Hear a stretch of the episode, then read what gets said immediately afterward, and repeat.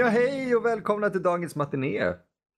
Med, med oss har vi en liten gäst och det var första gången som jag hoppade in och tog någon form av kommando här. Otäckt. Eh, Men jag lämnar över det till Fredrik som vanligt.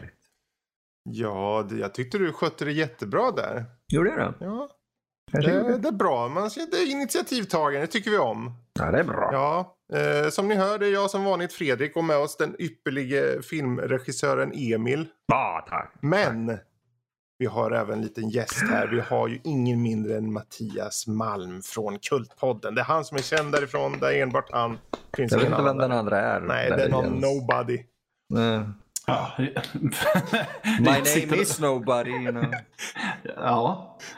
Du, menar, att jag sitter, menar du att jag sitter och pratar för mig själv i en timme varannan vecka eller vad? Ja, Ja, ja. Jag har, jag har lyssnat på den podden ända sedan den började och jag vet inte vad som Nej, nej. Nej, okej. är Ja. Ja, men nu är det ju lite kul för är det någonting som eh, förenar oss är det ju kisande män som man zoomar in och glor på väldigt noga. Ja, det är det som förenar oss alla i världen. Alltså, just, just bildspråket i den gode, den onde och den fula är ju någonting som är ju, känns modernt än idag. Men frågan är, nu när ni har sett den, håller filmen fortfarande? Tveklöst. Tveklöst. Mm. Definitivt. Ja, varenda bit av den. Jag blir jag är förvånad varje gång att en film från 66 känns så otroligt modern. Inte bara i Mm. bildspråk utan regi och skådespel och manus, berättarsätt, allt. Alltså det är ju en, ett, jag, jag skrev det i mina anteckningar, det är en ren, en ren njutning. Mm. Ja. Det, det skrev Mattias till mig med när han hade sett den. Ja, f- för eh, vi... Jag tittade på den efter att jag och Emil hade sett på en rad filmer till Kultpodden som Mm. inte var av så bra kvalitet. Mm. Så jag skrev till Emil att det här var en delikat luftrensare. Mm. Tror jag. Nej men, det- är verkligen en njutning och det är en njutning som du inte behöver vara så superaktiv i heller, känner jag. Utan det är i stort sett bara att låta sig insvepas och hänga med i stort sett. Precis. Ja, för att handlingen i sig är ju så eh, dumenkel på sätt och vis. Det är hur karaktärerna eh, agerar med varandra och hur allting utvecklar sig som är det intressanta. Men precis som du säger, du vet handlingen hela tiden. Mm. Så du behöver inte... Det är inte så att du ska sitta och slentrian-titta riktigt med en telefon i handen, vilket jag gjorde delvis själv för att folk fortsätter skriva och höra av sig för det händer mycket. Precis. Men man kan hänga med i den hela tiden. Mm. Ja, det är ju liksom enkelt. Vi har eh, tre karaktärer. Vi har eh, Tuko, vi har Blondie, vi har Angel Eyes. Tuko vill hämnas på Blondie efter han av typ... Ja. Ja.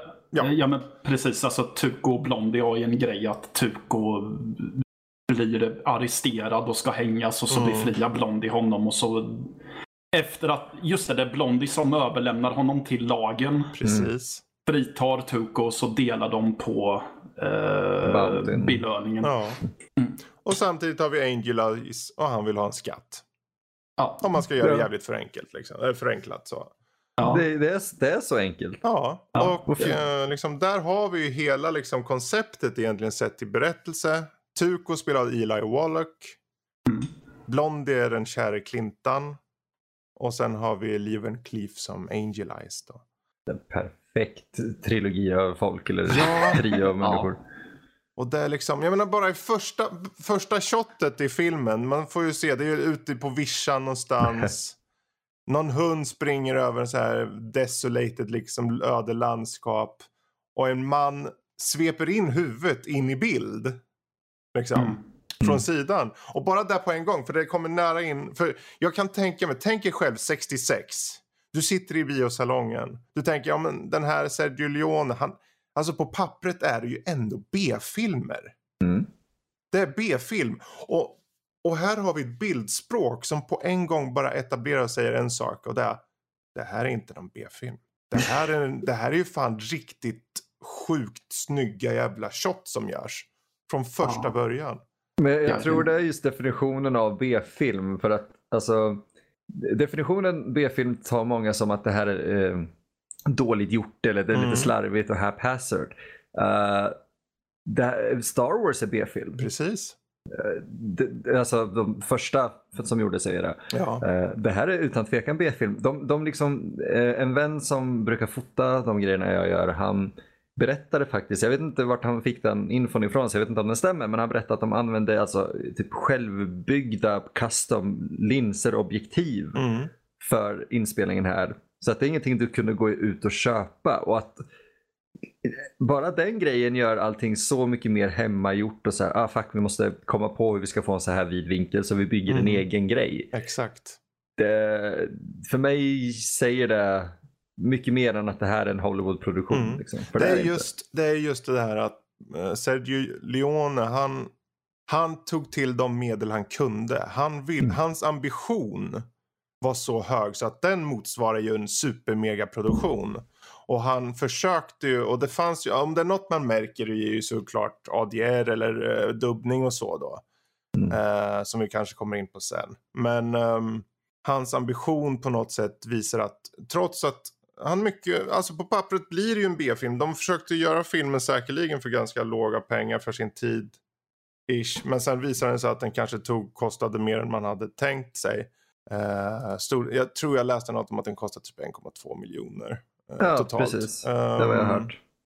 vilket egentligen, alltså 1966, jag har ingen koll på riktigt vad som är stor produ- produktion då. Men det, Det är känns fortfarande mycket. rätt lågt. Ja, det är det. Ja. Ehm, Det är, inte, det är inte så stor skillnad som idag när det är en låg budget. Men det här var relativt låg budget under den här perioden. Mm. Då inte streaming var så vanligt exempelvis. Så värdet på film har Sa du gått att ner. det så inte enormt. var så vanligt? Nej men alltså med, med Ja. budget Ja, menar jag. precis. Inte med streaming ändå. uh, vi kommer där med vår DCP 1966. Ja. Va? Eh, för att vi hade ju alltså filmer redan på 30-talet här som kostade miljonbelopp att göra. Mm. Eh, Så 60 år innan, eller 30 år innan hade de alltså det. Och det här är då en lågbudget 66. En och, ja, inte ens en och en halv utan drygt en miljon. Mm. Att ha fått det här resultatet på, på den budgeten är eh, ingenting annat än, än fabulöst. Precis. Ja, herregud. Alltså, finns det något, eh, om vi, nu, vi kan ju, jag tror det är roliga här att gå in på detaljer tycker jag, och säga vad vi tycker och vad vi känner står ut i filmen. Men är det någonting till, sett i storyn som vi vill eh, ta upp först liksom? Är, är det något där? Alltså Ja. jag, jag älskar ju just när, um, hur man, hur ska man säga det här? Eh, hur Angel Eyes blir motiverad till att hitta eh, skattkistan. Mm, mm. Eh, för att han, han vet ju inte något om den ifrån början. Precis. Utan han råkar bara få reda på det för att en snubbe som han är ute för att döda kläcker ur sig det. Mm, Och då bestämmer han sig för att ja, men nu vill jag ju veta vad det här är för något. mm. Exakt. Ja, alltså, Ja, man ser ju ögonblicket när han hör, liksom hör det från den här mannen som nästan, nästan omedvetet råkar ta upp det och han rycker, man ser i hans ögon liksom, aha. Mm. Ja, jag tycker om, det är en så jävla bra scen också. Det, alltså, Ja, det är ju första scenen där någon talar och då har vi ändå, filmen har ju ändå pågått ett par minuter då. Mm. Ja. Och Leone var ju känd för de här långa öppningarna utan dialog. Och, alltså, det säger så mycket mer än att någon hade pratat strunt Exakt. eh, i början där. Jag skrev det i anteckningarna, minspelens förlovade land på något. Oj ja. Alltså, ja, för det är en han- film, förlåt, en film där är blickar lugnt. spelar roll. Om det så Ja, är att exakt. de kisar eller inte. Ja, för han återkommer ju till att ta scener som pågår väldigt länge utan att någon öppnar munnen överhuvudtaget. Precis. Exakt. Så, vilket gör att, och det känns som att det, det är klart att det är medvetet, men det känns, som, det känns också som att det är medvetet i manus för att Utan tvekan. det känns som att varje replik får helt plötsligt en mening för de, de öppnar inte munnen förrän, förrän okej nu kan inte scenen fortgå utan att någon faktiskt säger någonting. Exakt. Mm. Exakt. Och, och jag uppskattade framförallt så mycket väl i alla dessa i um, shootout-scener att de inte härjar ja du går dit och jag går dit utan de bara pekar mm. åt varandra. Ja, och där, där, kan jag ju säga, vi ska ju avsluta och prata sen om slutscenen där på kyrkogården. Men, oh. eh, jag tänker just, filmen utspelar sig på 1862, det är liksom under eh, amerikanska inbördeskriget. Mm. På ett väldigt italienskt sätt. Alltså jag tänkte på det, när jag ser miljöerna och så, liksom, så det är som att filmen skapar sin egen identitet. För att det känns som USA, men det känns ändå inte som USA. Det är den här... Eh, det är ju en fantasy egentligen. Det är ju en romantiserad bild av västern mm. och det är exakt i det landskapet vi befinner oss. Exakt. Och eh, Angel Eyes, den här onde filuren, han söker då, han kommer då att söka efter Bill Carson som är namnet då som han får från den här killen som han ska skjuta då. Mm. Uh, och det är liksom, han, det är som en, han går från person till person och liksom letar efter den här jäkla Bill Carson och sen till slut så ja, då träffar han ju på Tuko som av ren slump är den personen som då har kommit över uh, ja, den avlidna, den numera avlidne Bill Carson då vid det tillfället i alla fall. Um, han tar ju till och med hans identitet vid ett tillfälle med. Precis. Eftersom ja. att de eh, kommer i, de får ju tag i en Eh, någon slags vagn tillhörande konfederationsarmén mm. som är sydstaterna. Precis. Och då finns ju Bill Carsons eh, identitetspapper där. Exakt. Mm. Ja, själva Bill Carson rent av ju. Så... Ja, för det, det är han som också. presenterar dem för hela upplägget egentligen för mm. filmen. För den första som får veta något är ju Angel Eyes. Och sen så mm. träffar ju de här på Bill Carson då som Exakt. Alltså när jag såg filmen så tänkte jag det att för så som ni säger, som du Matte säger, liksom, det är ju ett enkel upplägg egentligen. Men mm. de lyckas ändå skapa en sån dynamik i det. Att det känns för mig när jag tittar på den som lite av en odyssé. Ja, um, jag menar, de jag inte om den här är baserad på någonting tidigare. Jag vet faktiskt inte. Mm. Ja, men för jag tror att för det är ju som ni säger att eh, när det är en enkel historia så är det ju väldigt lätt att man tänker oh, this again. Mm.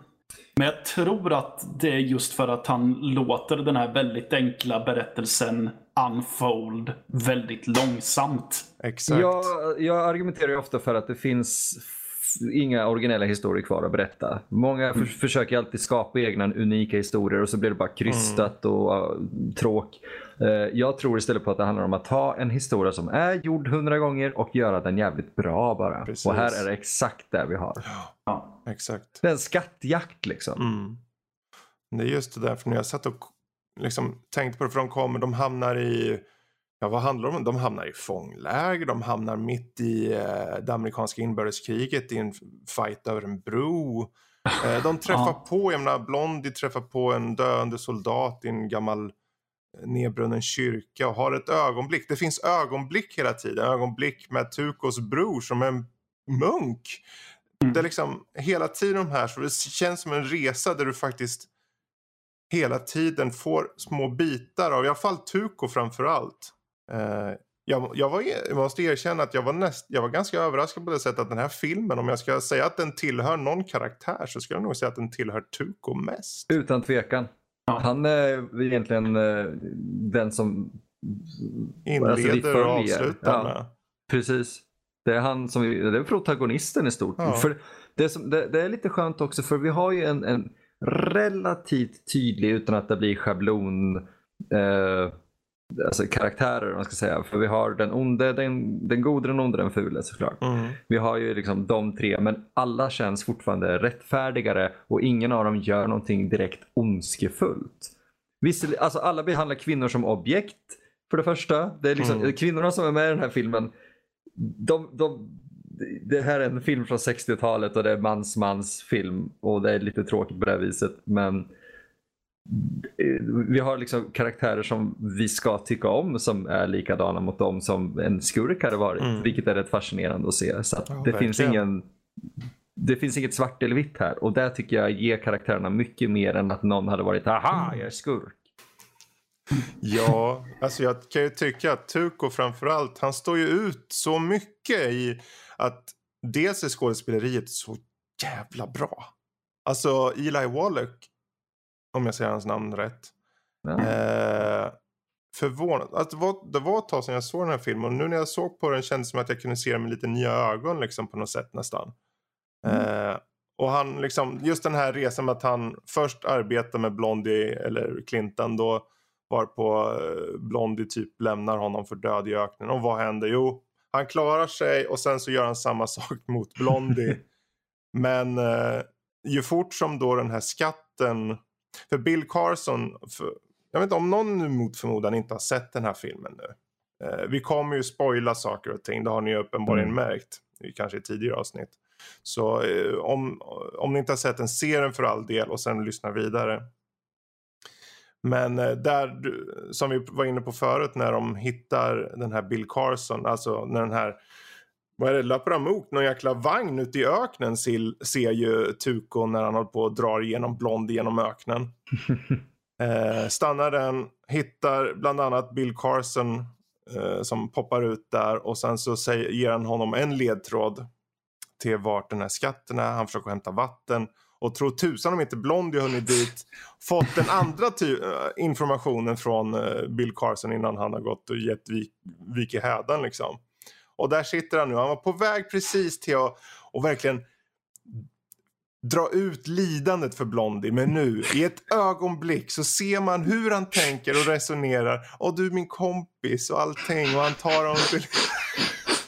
Alltså han svänger så mycket. Men han svänger på ett sätt som gör att man redan från början, man vet ju att han är en sån jävla, han är ju en superscoundrel. Han är liksom, han är vedervärdig sett till hur han liksom, han gör allt för att bara få det han vill. Han är superegoist. Men det funkar för man, man, förstår, man vet ju hur han är. Jag menar, Men jag bara rätt, det rättfärdigas. mm, De tar ju till och med upp det när de träffar eh, hans bror. När, när de, för han tar ju eh, Clintan till det här eh, monsteret, eller det här, vad heter det? Typ klostret. precis.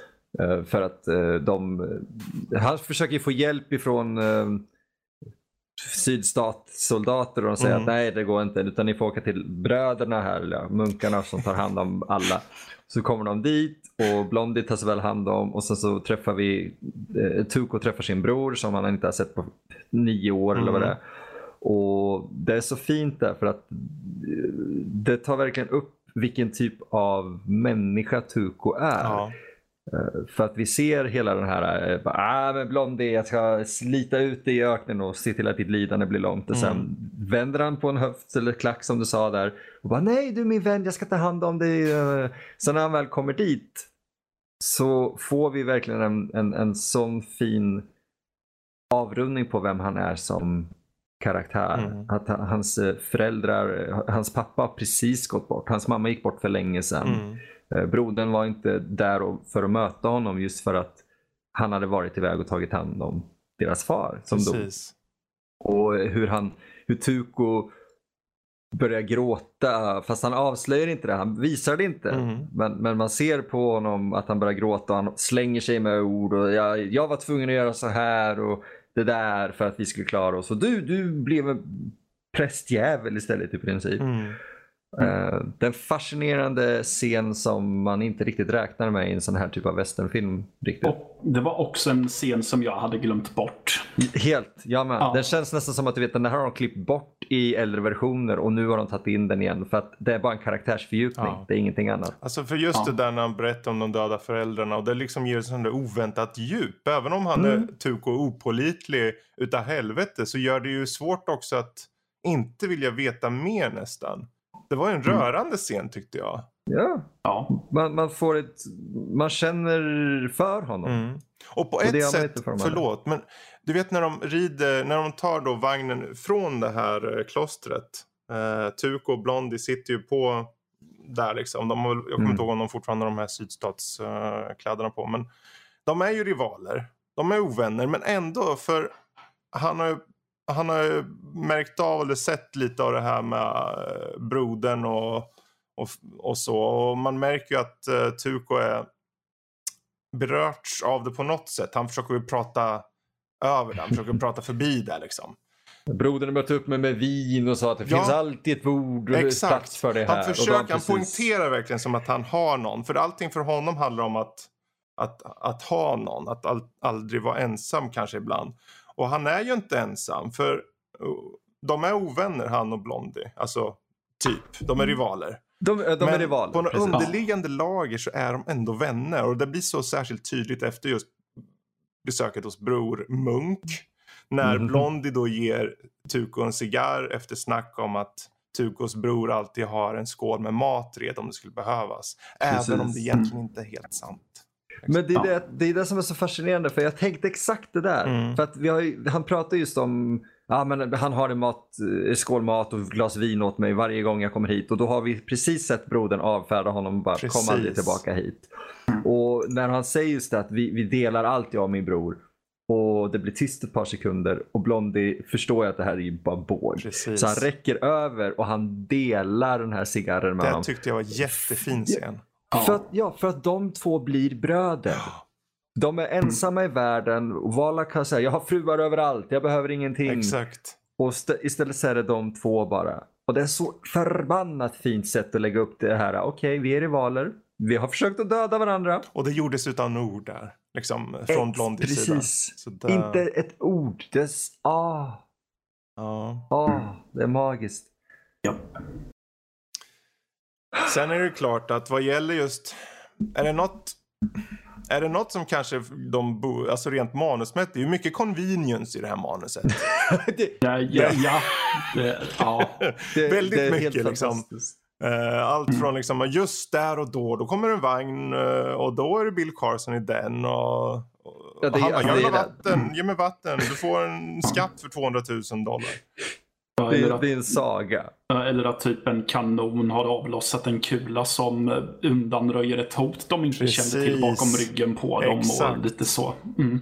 Men det är så mycket sådana scener som är verkligen okej. yeah, I go with it. Mm. Ehm, Det är ju och de- flera gånger som de här Angel Eyes hantlangare typ har ett clean shot på Tuco och Blondie. Men om de missar eller så är det något, precis som det här kanonskottet då till exempel som bara, man bara, jaha, det klarar de sig i alla fall. Alltså de kunde ju lika gärna ha blivit skjutna där. Åh gud ja, de- de skulle kunna dö flera gånger om. Det finns så här vissa scener som man bara tänker wow, nu dör de här. Ja. Eh, och sen så händer det inte utan någonting väldigt kul oftast händer istället. Precis. Och man säger, ah okej, ja, ja, jag köper det för att det är bra karaktärer. ja.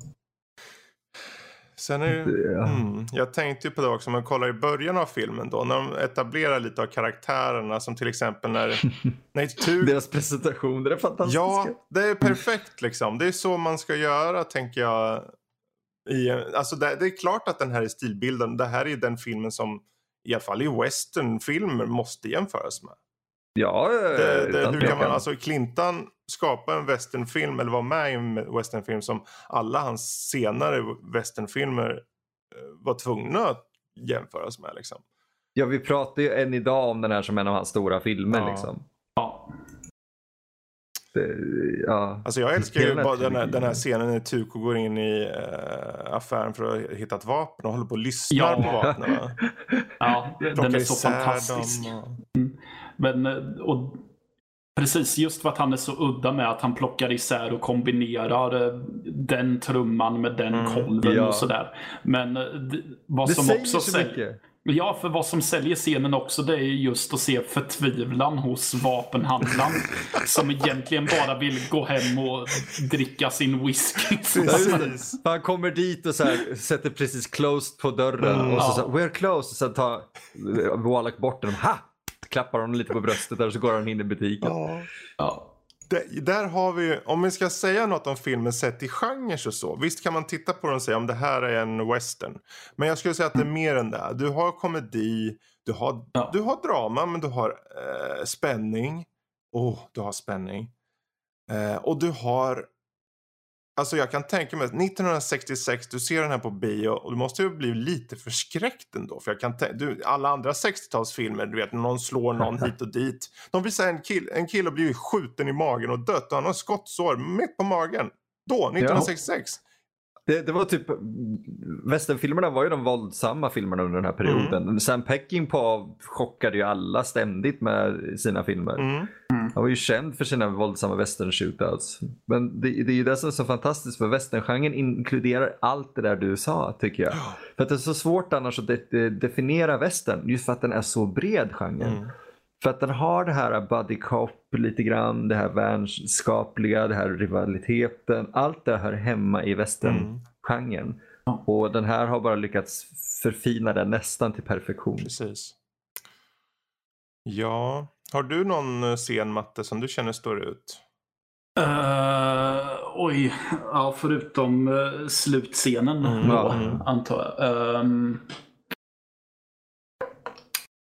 eh, det finns så många bra scener i det. den. Det är väl det som är problemet känner jag. Precis. Jag har en som hela tiden kommer, som alltid kommer att tänka på när någon frågar mig. Mm. Och det är för att den var så sann redan då. Sen känns det som att ingen har tagit den på allvar. Jag tror jag vet Eh, vilken du menar. Ja, precis. Vilken För då? tu, Tuko, det är ofta Tuko. Tuko hittar ett badkar. Ah, ja, säger, ja, ja. ah, Ja. jag kan ta tillfället i akt och bada. Så här, blöddrar upp ordentligt och ligger där och bara, ah vad skönt. Så kommer någon in där och har honom under ja, Mm. vapenhot. Och det är samma Bounty Hunter som är i början av filmen. Det tycker jag är kul. Han Eller har liksom hur? jagat den här Tuko i åtta, typ åtta månader någonting. Hittar honom i badkaret och sen vad? Ja. Ja, för att det är så fantastiskt för att där, han är utsatt. Det finns ingen chans för honom nu. Och snubben börjar liksom så här prata. Jag har jagat dig. Så här. Han börjar hålla ett så här spil som är så vanligt. Och ur bubblorna så bara skjuter Tuko honom. Ställer sig upp och säger If you gotta shoot, shoot, don't talk.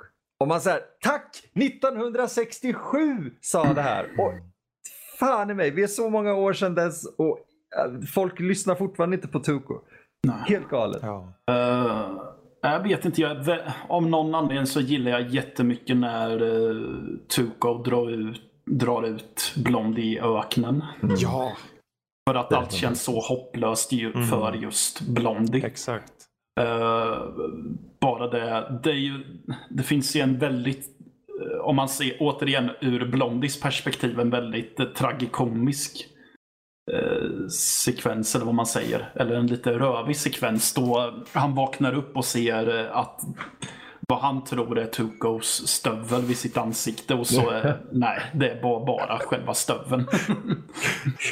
Ja. Det är så fint. Alltså Cla- Ja. Clintons Blondie är ju verkligen inte perfekt. Han är nära att hängas och ja. han blir uttagen i liksom öken och allt det Han här. känns ju han känns så mänsklig och Ja. han känns... Eh, det, det, det enda jag vet med den karaktären, det har med slutet att göra, men det är för att de har planterat det så. Det här är också så här planteringsfilmernas Fast Mm. smidiga planteringar. Det är inte sjätte Ja. dagen planteringar, det är alltid så uppenbart. Mm. Men vi, vi får lära känna karaktärerna så väl att vi förstår framåt slutet att han kommer inte låta Tuko bara försvinna, man ska säga. Mm. Jag, jag, tycker, jag ska inte säga vad som händer än för jag vill att vi tar det igen. Mm. Men det är så fint för att vi förstår att han är en ärlig man. Mm. Och han, han, han, han när, när andra måste göra hårdjobbet och göra så förstår man varför de måste göra det. Mm. Varför Tuko måste gräva? Jo, det är för att, som han själv säger, there's the ones who dig and the ones with the loaded guns. Precis. Och det är för att jag tror på att jag skulle gräva med ryggen vänd mot Blondie. Mm. För att jag vet att Blondie skulle inte skjuta Mm. mig. Precis. Eh, ja. Ja. ehm, jag funderar på, en, jag varit lite förvånad dock. Jag vet inte om det här är något som är nerklippt kanske i en vanlig utgåva. För jag såg ju den förlängda tror jag. Men eh, ena stunden stod ju Tuko i den här affären med vapen och så. Trycker in uh, closed-skylten i munnen på den stackars affärsägaren där. Och sen klipper direkt till att han räcker ut, eh, håller ut en kyckling typ, eller en höna eller vad det är, i en, i en grotta bara. Och Ja. jag vart så här jävla, ja, vad händer nu? Jag tyckte det var en ganska dålig klippning ärligt talat. Jag vet ju att han, efter, när man ser scenen så förstår man ju, okej han är där, han pratar högt i scenen för han vet ju att eh, de här, det är ett, par, ett gäng där som hä- hänger till och han vill ju rekrytera dem mer eller mindre. Vilket han då också gör. Men jag varit så förvånad över klippningen där mest bara. Att det liksom ena stunden och sen i andra stunden går han med typ någon häst och han har kläder och grejer och... Klippningen är lite klumpigare där men jag tror också att Mm. det, det, jag tror det är lite ifrån att det är en B-film från Mm. 60-talet. Jag kom bara, Ehm, när jag såg den tänkte jag, fan det här kommer inte ens jag ihåg den här scenen. Alltså. Det finns en del, jag märkte att det fanns en del scener som jag faktiskt inte kom ihåg alls. Faktiskt. Det var kul. Oh, ja. Det var kul att se. Ja. Men det känns ju inte, alltså det är det, det känns inte som en två timmar och 40 minuters film Nej. för att eh, den är så välpacad och varje scenrörelse, alltså hur kameran rör sig och allting känns oftast väldigt medveten, Mm. vilket det är. Det säger ju någonting när du rör Exakt. kameran. Eh, men det finns som sagt vissa jarring klippningar som blir så här, oj, Mm. det där är jag inte van vid idag. Exakt. Ja, för jag menar det här är ju... Uh, Tuko är ju vid det här tillfället, det är ju tidigare i filmen han vill ha... Ja, han vill ju ha hantlangare liksom. Han vill ha lakejer så han kan få hjälp till att leta upp Blondie och... Och sen så gör han ju det och drar ut dem i öknen och allt det där. Men just det här med att han får de här lakejerna med sig. Eh, de eh, liksom letar upp vart Clintan, Blondie är någonstans. Och självklart så smyger sig det, hans tre lakejer in i, i huset medan det är någon parad utanför. Så, och Blondie sitter och ja, fixar sin, sitt vapen helt enkelt. Fixar och donar. Mm. Och sen så eh, blir det plötsligt tyst och så är det någon av de här utanför dörren som tar ett steg och deras sporrar liksom klingar till lite grann. Han tittar upp, man märker, han, han förstår att någon är där så han fixar ordning pistolen så snabbt han kan. De river upp dörren, han skjuter allihopa mer eller mindre. En, en överlever tillräckligt länge för att Clintan bara säger The spores. Precis. Men det kanske inte hjälper i slutändan för bakom honom då så har ju den gode Tuko tagit sig in. Och han har minsann inte lika välljudande sporrar. Han säger, ju, han säger ju någonting där Mm. också som är “There's two kinds of people” men jag kommer inte ihåg exakt hur repliken är. För det Men har det- ju det någonting med det. spararna att göra. Ja, men det är ju det som är så fantastiskt för att vi har det här eh, treakts, eh, inte strukturen men upprepningen. Någonting Ja. kommer tillbaka flera gånger och sen avslutar någonting. Det, Ja. det är så jävla välskrivet. Mm. Ja, Tuko han säger, för där du tänker på den har jag här. eh, there are two kinds of spurs my friend. Those Ja, that come in by the door, those that come in by the window. Ja. Så det, Mm. så här, ytterligare Ja. ett bra exempel på en riktigt bra jävla Ja. replik. ja det, precis. Det är det som är så kul för Blondie använder ju den repliken framåt slutet för att liksom kasta de här visdomsorden från Tuko tillbaka i ansiktet Mhm. på honom. Precis. Ja. Det är just det, de planteringarna. Det är så jävla bra. Ja, jag menar bara det sättet Tuko, hur han trackar upp Blondie är ju intressant. För han går ju ut efter, han testar ju cigar, cigarrerna som lämnas efter på alla de här eh, Ja. ja. platserna som Clinton har varit liksom. Och när den är rökbar, då vet han, då är han nära liksom. Precis. Det är så enkelt, in camera, han behöver inte göra någon, säga något liksom. Oj, undrar om han är nära. Nej, nej, han röker bara. Står och röker. Okej, den här gick att röka Ja. direkt. Precis, och det är så... mm, Återigen, eh, och det är ju det som definierar den här filmen. Med så små medel så kan man berätta så jävla mycket. Precis. Åh gud ja. Precis. Det är det. All, allting ligger i detaljerna och den här hanterar sina detaljer briljant. Mm. Ja. Ja, och det är ju än en gång just skådespeleriet där. För eh, som, som sagt, Tuko var ju väldigt, han är ju kappvändare deluxe. Alltså han, Ja. Han är opportunisten i den här han, är, han är alltid ute efter den här pengarna. Han vill veta vad Blondie vet. Så när han hade då tagit, nu hoppar vi fram igen, men när han hade ta, tagit honom till, till Broder Munk här på klostret. så eh, säger han, för han har ju han har varit i öknen Clinton, han är helt uttorkad och förjävlig. Men makeup som kanske inte var den bästa, men den dög jättebra tycker jag ändå. Mm. Ehm, Alltså han ser jävligt uttorkad han ser ut. Så jag, tycker, ut. så jag tycker att den funkar. Den funkar. Den kändes bara lite så här. Okej, det var kanske. Jag tänkte att så här när jag såg den att. Alltså jag kan ju se att det ser, det ser plastered ut liksom så här. Det ser ut som någon Mm. har klistrat på saker. Men det, det funkar. Det är lite det här, vissa saker ska inte ses i full HD liksom. Förvisso. De här grejerna var ju inte tilltänkta att ses så klart på så liten skärm. Eller så, du, när du screenade dem som film Mm. på en silverduk så försvann de här Exakt, grejerna lite grann ändå. exakt. Eh, när vi ser dem i så här hög kvalitet så, då, ja. Ja, Och då såg jag ändå den bara på DVD. ja, du Ja, det, det, det, det räcker gott Mm. där. Ja, jag vet. Jag tänkte annars, för när, när Blondie ligger till sängs då, då försöker ju Tuco övertyga honom att han är döende. Ja. Just det. Bara för att han ska få Det ut det. Och han liksom, och han, De så här Han liksom, försöker- "Åh, nej, han kommer läka bra. är det inte något tillfälle han försöker nästan, han försöker vara så här ledsen och någonting. Och han kollar med ett öga genom fingrarna så här. Och man tänker, han är så jävla nedrig, men han är så härligt nedrig. Åh, Och så här, han köper inte rätt skit. nej, nej, nej. Han, med ett litet leende bara. Ja. Ka- Kastar varmt, nej inte ens varmt va? Jag tror han bara kastar vatten på honom eller någonting. Helt fantastiskt. Så flinar lite grann och sen typ däckar igen. Och jag är så glad att jag har min bästa vän här som kommer skydda Ja, mig när jag precis. sover. Ja. Och man vet att han är skyddad för att Wallach måste ha det här namnet på graven. Mm. ja. Så han vet att han är säker. Han kan sova för att om någon kommer in och försöker döda honom då kommer Tuko skydda honom för att han behöver honom. Precis. Ah, det är så Det är jävla en sån bra. symbios mellan de två liksom. Ja. Oavsett om de vill eller inte. Ja, jösses. Um, om vi snackar nu fina scener. Om jag ska ta en, en scen som jag tycker har mycket med komiken av uh, Den gode, den onde, den fule. Så är det ju. uh, jag tror det efter de har tagit sig ifrån uh, Bror Munk där på klostret. De ehm, ser på håll uh, massa sydstatare. Så de... ehm, Eh, och Tuco bara, ja ah, men det är de, för de har ju självklart på sig sydstats... Säger, är det sydstater som kommer borta eller något sånt där? Eller vad är det för Blue något? Ja men det ser du på de är ju gråa. Så han börjar ropa, hej hej! Oh, General, General Lee, hey! yes yes! Och sen när de kommer nära liksom ser man att de är helt nedlusade i smuts och damm och skit och börjar slå på kläderna och man ser, ah, okej det är blått under, de är nordstatare. Och de bara, oh Ta- crap. Det det, timingen på den scenen är så briljant. Mm. För humor där hade kunnat bli så platt. Men just att här, Blondie han kikar så här, han kisar lite grann och bara Oh shit. Och Ja, Medan precis. Tuko fortfarande sitter där. Vad hette han nu igen? General Lee, yay, vad bra. och så, bara, du, man kan vara en idiot eller så kan man, han gör den där igen. You could be one of these or you could be one of Mm. those. Eller någonting.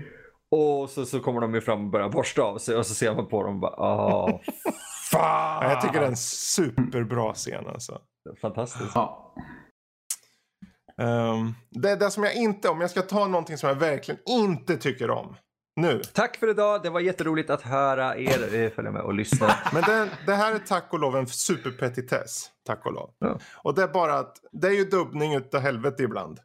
Det tar jag. Ja, gud, jag, ja. tycker den, jag tycker den faktiskt, eh, det talade i filmen, det kan jag inte bara köpa. Jag tycker det tillför en, en, en nivå av dåtid som gör att jag tycker det är kul att se filmen.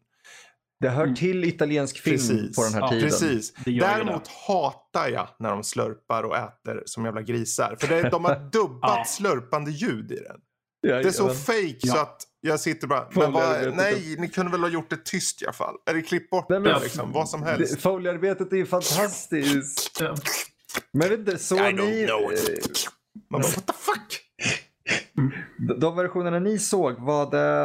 Eh, för Matte såg ju DVDn, jag har eh, Mm. Blu-rayn. Och jag vet inte Matte, hur är det på DVDn? Är det, vilken ljudmix är det på den? Eh, jag vet inte. K- Kan jag springa ut och hämta DVDn och se? Jag tycker du ska göra det, för jag vill i så fall fråga Fredrik. Mm. Vad hade du för ljudmix? Vet du det? Ja, jag har en- den här, en eh, extended, den här nyremixade. Mm. Du har en ny, eh, version, ja, ny remixade Ja, version. jag, ja, Ha, hade de, de i, det var inte mono, det, utan då hade du en 5.1. antar det borde det vara antar jag. Ja, för tyckte du att någonting var lustigt med typ vissa ljudeffekter eller sådär? Skott exempelvis. Nej, inte som jag tänkte på i alla fall. Uh, Okej. Ljud engelska Dolby Digital 5.1. 5.1, okej. För att jag började titta på min eh, så här, fin, fina extended-utgåva, Mm. Blu-ray, bla bla bla. Och jag visste att någonting var off Mm. på en gång. Så fort jag hörde eh, första skottet.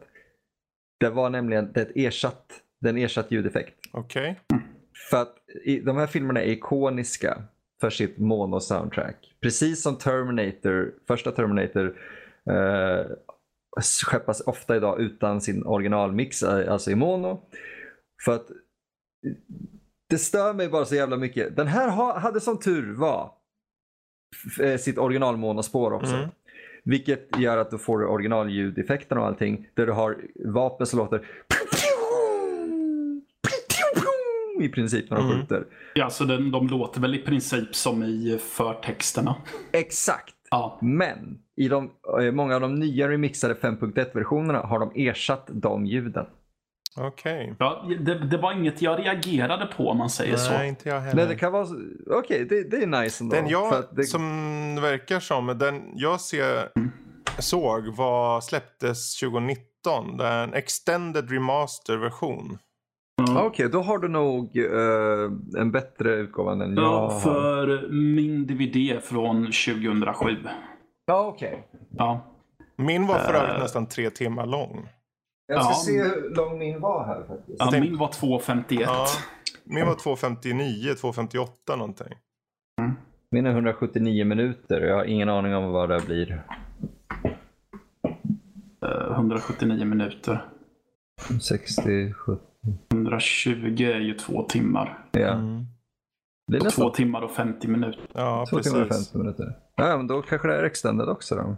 För då, annars måste jag ju köpa extended. Ja, för när eh, eftertexten kom så stod, eh, så stod det extended English language version. Det är samma som Ja, jag såg. ja, precis. precis. Det, Ja. det är samma jag hade med. Ja. Precis. Eh, men den, eh, den versionen jag såg, det kan ju vara den svenska utgåvan kanske eller någonting där just de har en 5.1 där vissa ljudeffekter Mm, är ändrade mm. och så. Jag bara tycker Ja. det är, det, det, för, det som, jag jämförde lite med när eh, George Lucas gjorde de här re-releaserna på Star Wars och la in massa datafigurer och sådär och fixade till filmerna. För att när du börjar fucka och ändra saker i ljudbilden så ändrar du upplevelsen av filmen.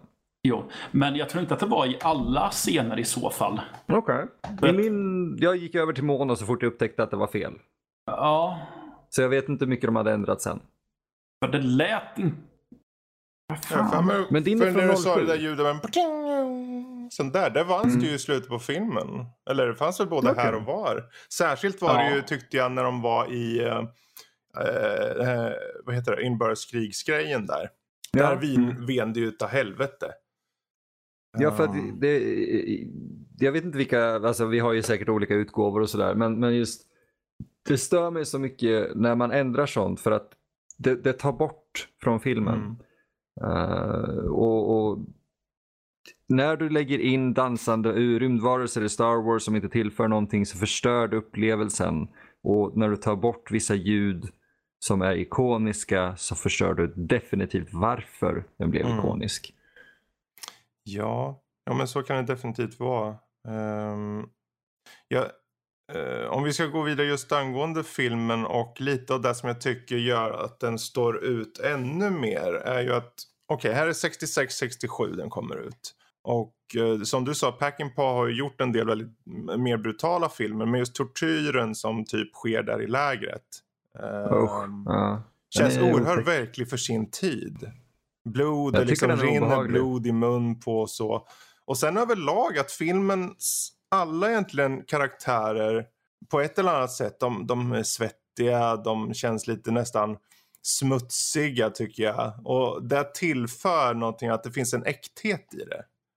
Ja, det, är inte, det, det är Ehm. inget charmigt här. Du har inte någon makeup som har sprungit och sett till att de ser Exakt. snygga ut. Nej. Jag tycker det, bara just hela upplägget med att de låter alla vara så liksom orakade och, och naturliga på något sätt. Liksom, Mm. gör att... Ja. ehm, sen kan det ju vara förvisso att vissa, vissa scener tyckte jag men nu är den här ändå onödigt mycket svett i den här karaktären. Någonting. Ja, men eh, jag skulle just komma till nämna svettet. Mm. Just att de är, har så mycket kläder på sig och det ser så förjordat Ah. jävla varmt ut hela tiden. Precis. Och de, det, ja, så- jag satt men- och kliade mig ibland när jag såg liksom. Ja. Alltså, oj. Hälften var säkert gjord av ull också. Mm. Ja men vad fan, Clintan framåt slutet har ju en jävla ullväst på sig. Ja just det. Fuck. För, det är så här, det, det, man, för, man vet ju att det blir kallt under de där nätterna men var de verkligen tvungna på sig hela så här Ja. bohaget när de Mm. skulle ge sig ut mitt under dagen? Ja, men jag vet inte. Jag, jag tycker att det tillför väldigt mycket för stämningen Det för mig. För att det, det måste inte, vara där. det är inte ett trevligt samhälle att bo i eller leva Nej. i. Och jag gillar, jag slogs av det när jag såg den nu, att jag gillar också att mer eller mindre varenda karaktär har inställningen till livet som är äh, fuck it, vi kommer alla dö Mm. någon gång. Åh gud ja, det är det som är så Ja. fantastiskt. Vad Ja, fan för- skulle folk göra med de här pengarna Precis. sen? De Ja, för, kassan för varenda karaktär är, på, är så jävla omoralisk. Ja! Eh, Och inte bara huvudkaraktären utan typ bara de här bikaraktärerna som dyker Mm. upp ibland med. Har väldigt mycket skrupler också och alla har typ döden som står och lurar bakom Exakt. knuten men ingen Ingen bryr sig om att eh, döden Ja. står där utan de har bara accepterat att ja, den står där. Vi får väl se när den kommer fram och hälsar Mm. på riktigt. Ja, Livet är liksom inte värt någonting. Ja, Men det- och den, och ja, för mig är ju the pinnacle av den inställningen är ju den här eh, majoren eller kaptenen Kapten. i den mili- Bra, vid för det är när precis de- det jag vill komma till också. Fortsätt. Nej. eh, vi- som eh, krigar om bron. Ja. Och jag menar, han, han bryr sig så lite om att han är i en krigszon så han är ju onykter på jobbet hela Ja, tiden. jävlar. Och hans inträdesprov till att få ta värmning är okej, kan du ta en klunk av min sprit? Precis.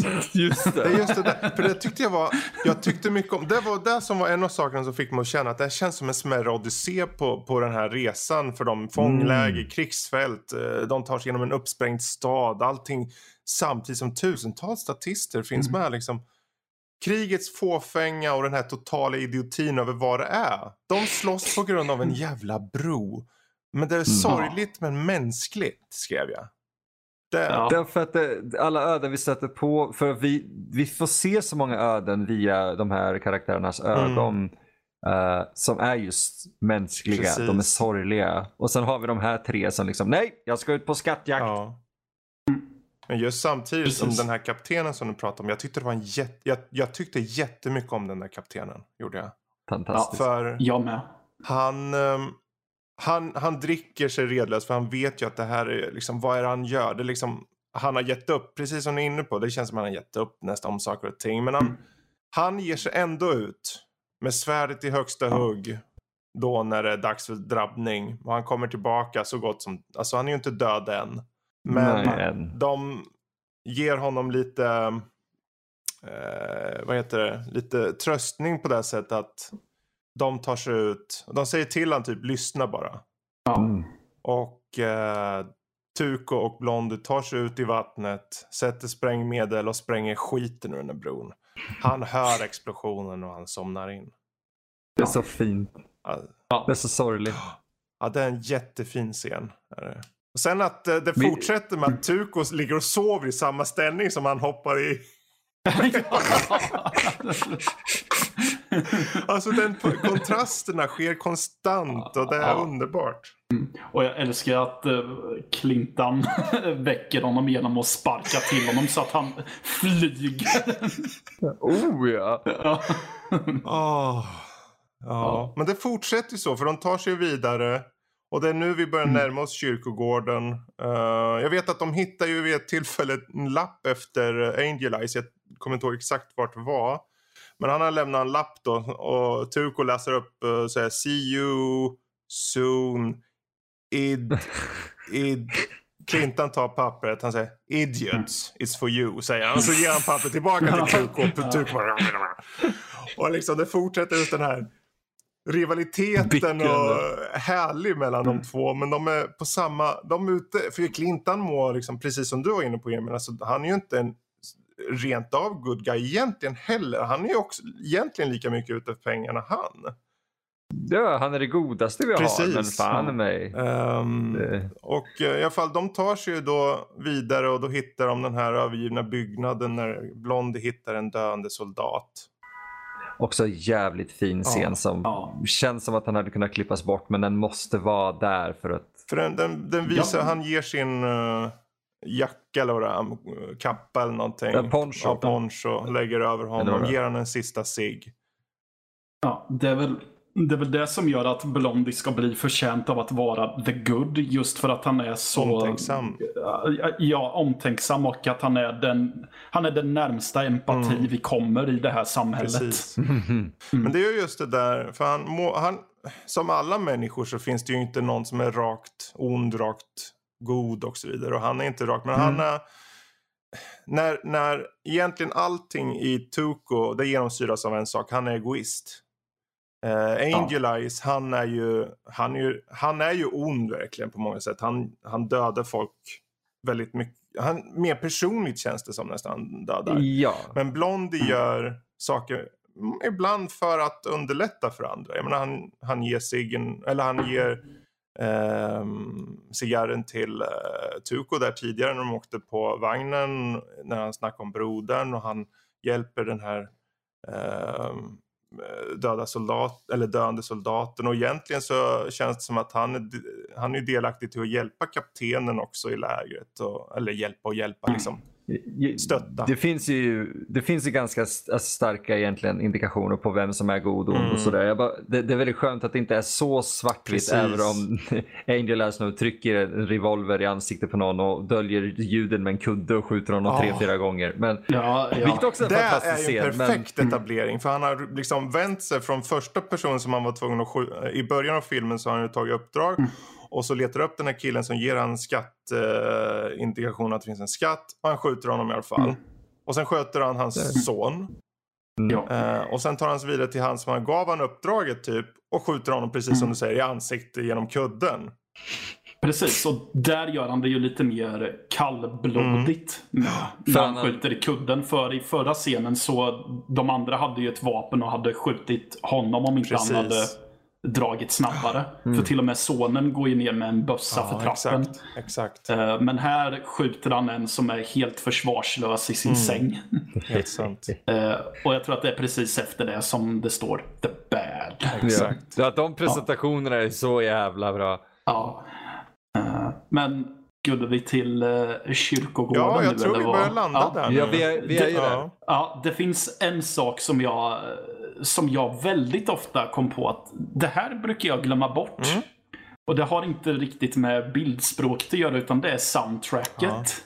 Åh. Den musiken som spelas eh, när Tuco kommer till uh, kyrkogården där. Ecstasy of Det, Gold. det är min Precis. favoritmusik i hela filmen.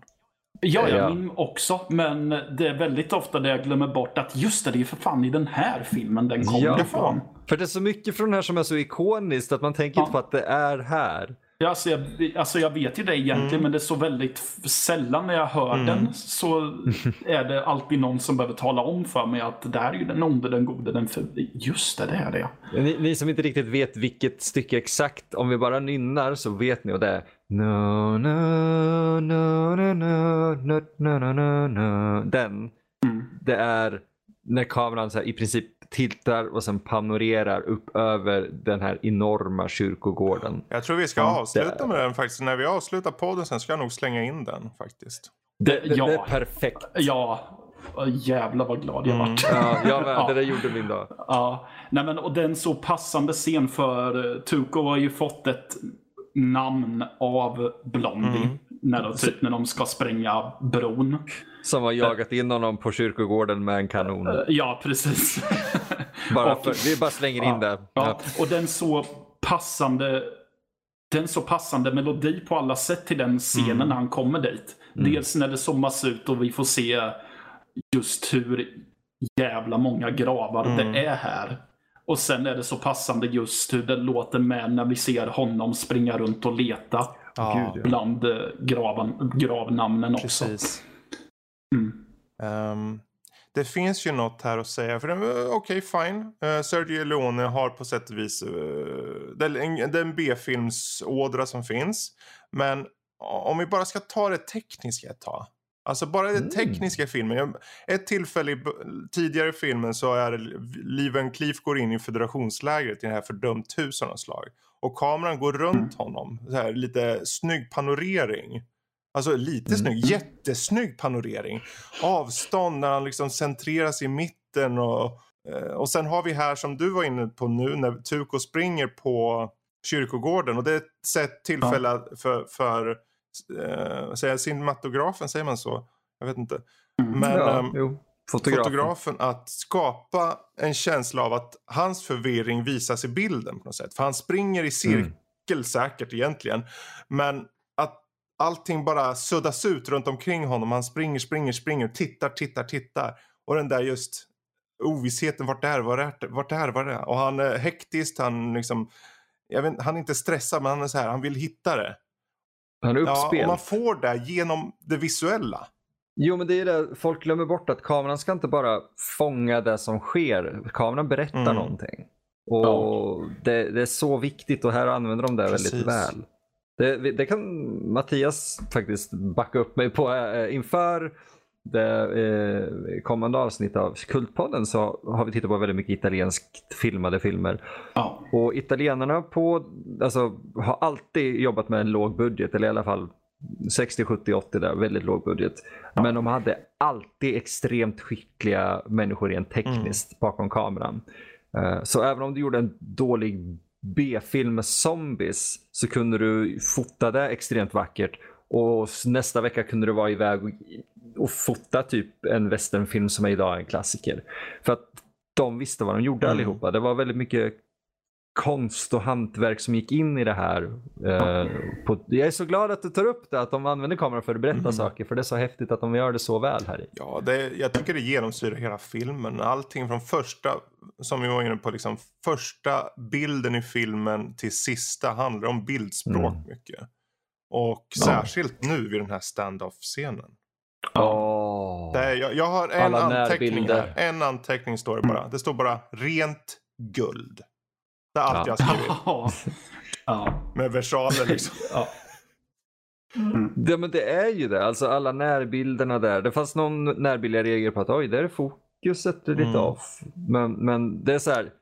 1966, ingen video assist direkt. Fuck it, bara kör. Det är vackert. Så för det är just, eh, vad är det som händer nu, Emil? Nu när de kommer till kyrkogården, varför blir det en stand-off? Tuko finner ju i graven med eh, namnet, jag kom, vad hette Arch Stanton. Mm. Arch Stanton. Han finner den här graven och han börjar gräva. Och Blondie dyker upp bakom honom och bara så här. Du, du kan inte gräva med dina händer. Ta den här kassaspaden Mm. istället. Och, och sen så riktar han ett vapen mot honom och bara gräv. Och då så kommer istället Angel Eyes in och kastar en bättre skyffel. Och typ, nej nej, ta den här, det kommer gå ännu snabbare. Eller han, han säger typ, ah, det kommer gå bättre om det är två som gräver. Ja. Och Blondie bara så här, "Ah", tänder sin cigarr. Typ, nej, jag har en annan idé. Och Tuko sitter samtidigt på marken och jag bara så här, shit, jag kommer dö oavsett vad som sker. Ja. Och eh, han säger att det här, eh, eller ja, just det. Eh, Blondie säger i princip åt Tuko att öppna den här graven. Så eh, gör de det och i den så ligger Arts kropp. Mm. Inga pengar. Eh, och då påpekar han att eh, det är ju fel. Men jag har namnet och jag tänker skriva det på den här stenen. Just det. Mm. Och det enda jag tänkte då på var, har du, typ, har du blyertspenna med dig? Men det var Ja. så här, det, det är en liten detalj bara. Ja, Det var det jag tänkte. Ska du skriva med cigarren? Jag trodde han eller- ristade. Precis. Jaha, jag fick inte för mig att han tog upp en, två stenar och han skulle rista in eller någonting. Jaha. Ja. Kanske, men Fast det, jag- visst, det gick inte riktigt. Nej, det, är, det är någonstans där man, det, det kanske var något, på 60-talet kanske man hade en, en form av penna som var mycket mer vanlig. Alltså man kanske bar en typ av blyerts eller någon form av tusch eller bläck som gick, jag vet inte. Men eh, jag vet, nej, 1800-talet är det här Mm. dessutom, så ännu mer. Men han skriver namnet på den här eh, stenen, vad vi ser. Och så går han ut i en jättesnygg bild. Han går upp på typ en plattform eller en öppning kan man säga.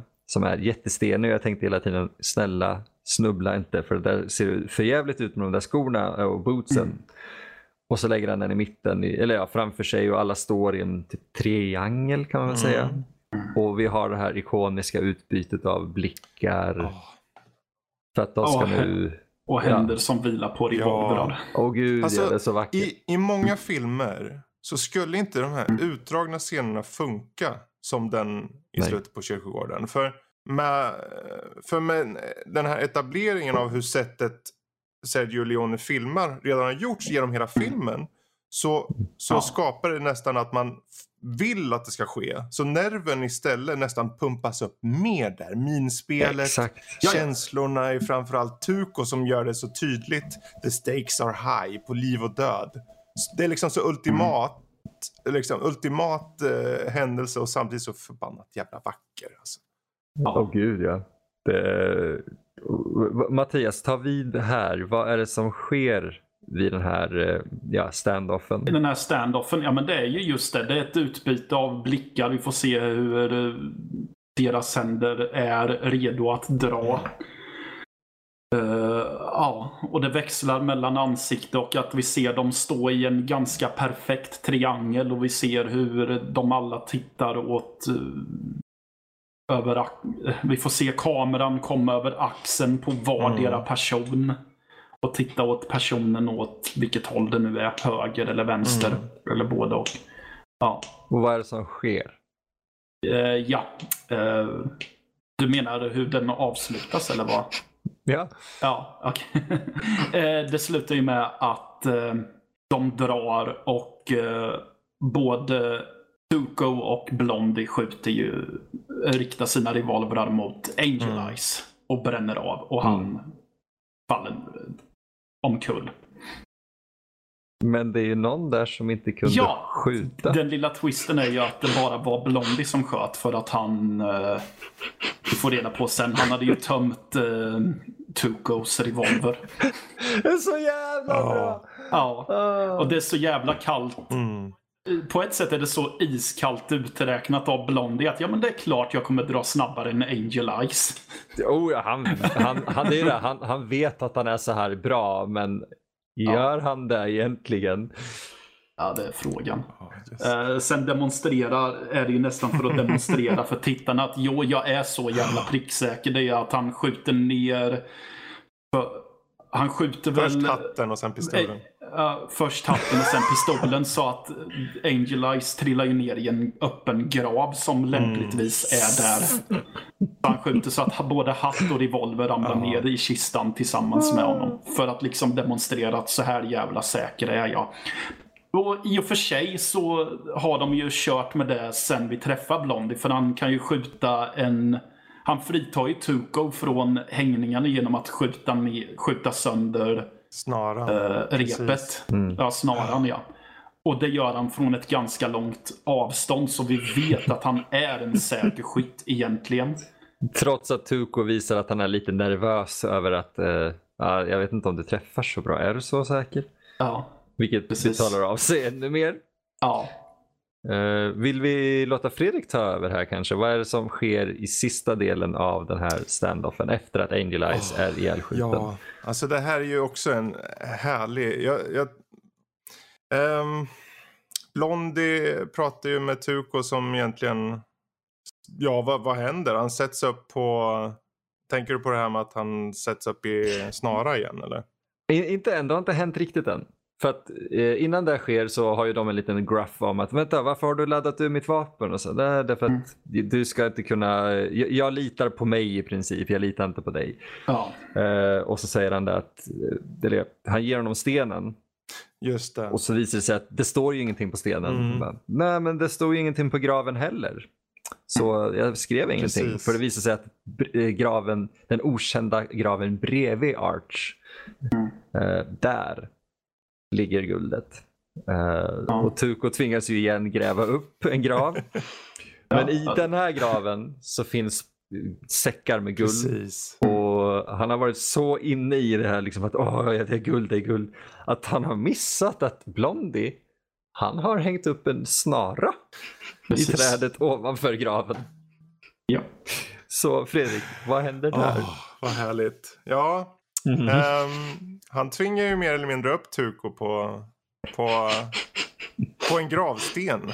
Uh, eller stackars jävla knöckligt litet kors rättare sagt. Och där sätter han huvudet i, i snaran och han knyter eh, ryggen med hans uh, två händer. Uh, och han säger ja men jag tar, jag tar min del av bytet här. Jag lämnar de här här. Och vi vet ju alla hur jävla ego och pengakåt som Tuko. Man ser ju hur hans blick liksom flackar fram och tillbaka mot bytet som är precis nedanför fötterna. Och egentligen, egentligen är det väl egentligen den bästa sättet att dö för honom om det skulle ha varit så att han eh, någonstans vill komma åt pengarna. Man kan tänka sig att han, det är därför han skulle, så skulle han dö. Men, Briljant symbolik. men någonstans så visar det sig ju såklart att det här är ju mer eller mindre ett spratt då på den stackars Tuko. Eller stackars och stackars. Han tittar ju mycket riktigt på guldet. Han är på väg eh, att ramla ner. Och på avstånd så ser man ju då hur Blondie då, alltså på riktigt långt avstånd, kommer fram. Ja, för han försvinner, han rider ju Han bort, rider liksom, bort. lämnar Ja. Tuko åt sitt öde. Tukos tror sig ju vara själv mer eller mindre. Ehm, men nog tusan så skjuts snaran av. Han ramlar ner, smackar in huvudet mot påsen med guld. Ja, det är så Ja. snyggt. Ja. Och det är så roligt för att eh, Blondie, när han väl tar sikte, han är borta tillräckligt Mm. länge så att någonting hade kunnat skita sig. Ja. Kommer tillbaka, lägger upp i, i värdet, kikar liksom och sen, äh, det är lite långt alltså. Så här, knäcker lite nacken, fixar till hatten sådär.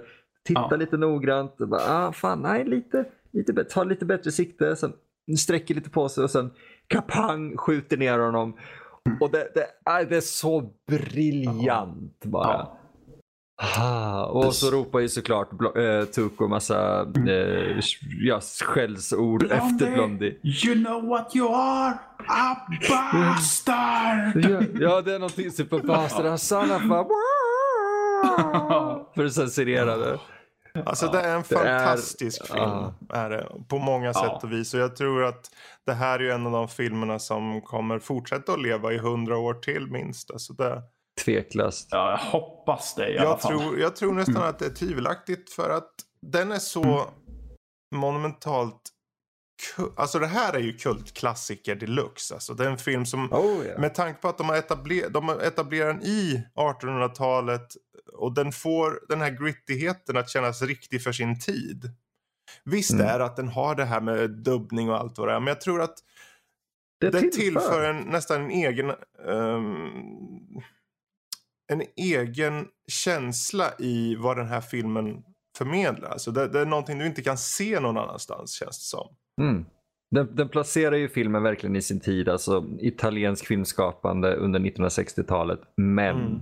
tillräckligt modernt och Jag tittar fräschat på så den att här, det jag känns tänker ju inte främmande. ens italienskt. Jag, jag tänker Nej. bara film Nej. som råkar vara dubbad. Jag för jag satt ju med tankarna nu att okej, det här är ju, alla de här borde ju vara italienare alla de här som snackar. För vissa av de här rösterna som gör, ibland är så här jättetuffa, så här, riktiga Mm. gubb, gubbar så här. Eh, de har någon sån här uh, Confederate-snubbe utan ben som hasar sig fram. Som lär bara, What are you doing here sir? Lite hillbilly. Okej, den där stack ut lite grann. Den stack ut. Men annars har inte jag liksom... Jag har tyckt de funkar bra ändå, rösterna faktiskt. Väldigt, Ja. men det är för allting är ju, eh, Leone är ett fan av liksom westerngenren Mm. och han vill göra det briljant. Eh, han ville göra det amerikanskt och han lyckades ta den här romantiserade fantasybilden av amerikanska västern. Den vi önskar att vi fick när vi åkte till High Mm. Chaparral. Liksom. Eh, den har de fångat här och det är därför vi använder den som en, en, en, en mall nästan, eller som referenspunkten för westernfilmer Mm. idag. Den Ja. träffar allt sånt rätt. Precis. Ja. Nej, det är en eh, underbar film som jag tror... eh, inte att bara Clinton sover gott vetandes att hans goda vän kommer se över honom. Men jag tror också att jag kommer sova gott av att veta att den här filmen existerar vid, min, min sida i alla fall. Det, Det kan jag lugnt säga.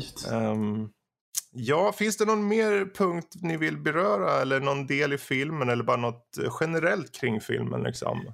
Att den inte är en så skitnödig klassiker som många kanske skulle eh, säga om filmer som har definierats som Mm. klassiker. Utan den här är rätt lättsmält. Ja. Eh, vem som helst bör, eh, kan och bör ta sig an Mm. den. För att den är så enkel. Det är inte Citizen Kane. Nej men precis, för med filmer som Citizen Kane eller typ Vertigo så brukar det ju vara någonting med berättelsen att det ska vara invecklat och så ofta. Eller det kanske lät dumt.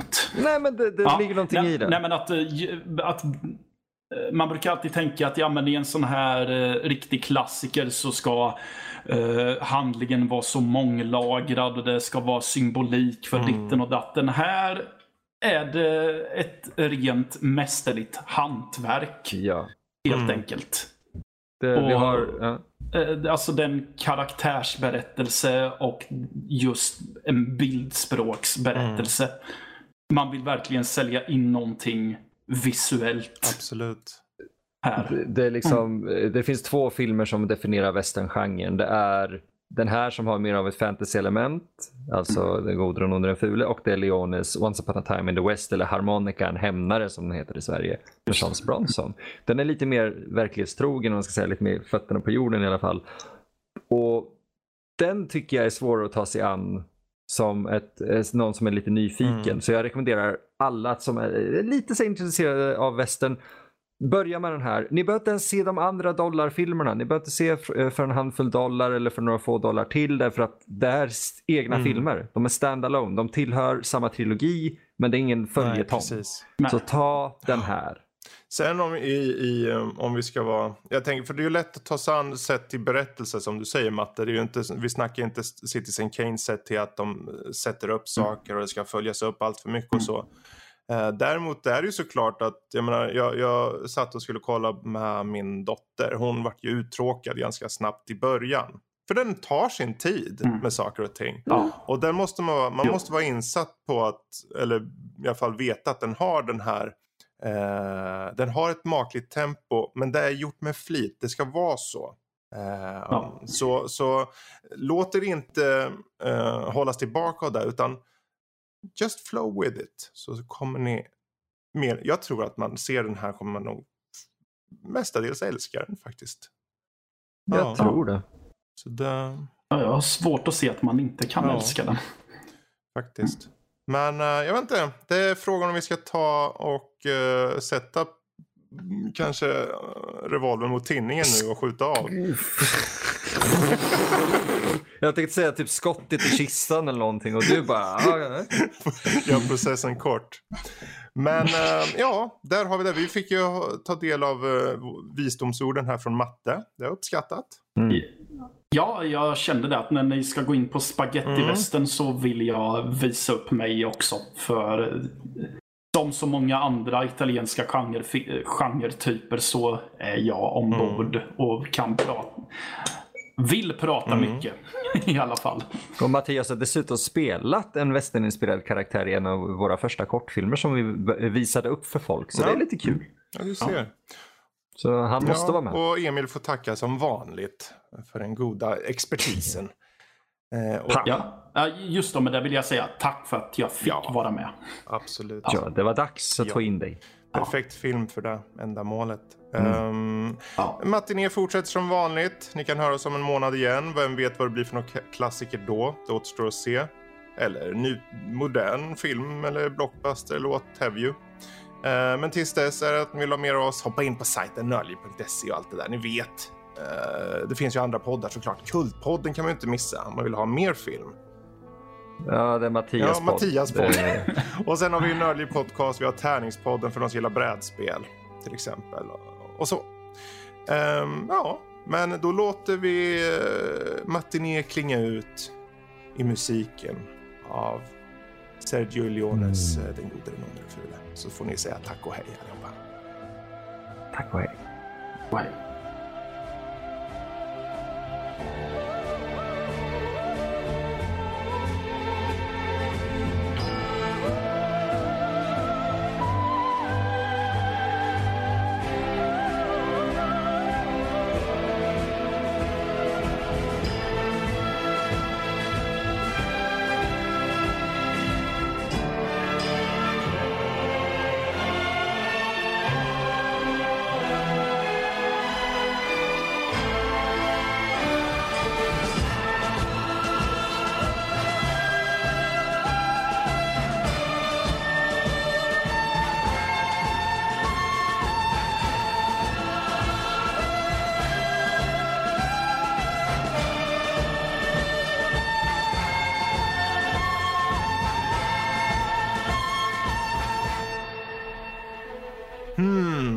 kanske ska ändå avslöja vad nästa månads film är, Emil. Vad tror du? Vad blir det?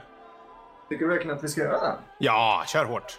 Då kör vi på anakronismens heliga graal, nämligen Braveheart. Yay! Då blir det den. Okej, hej då! Hej då!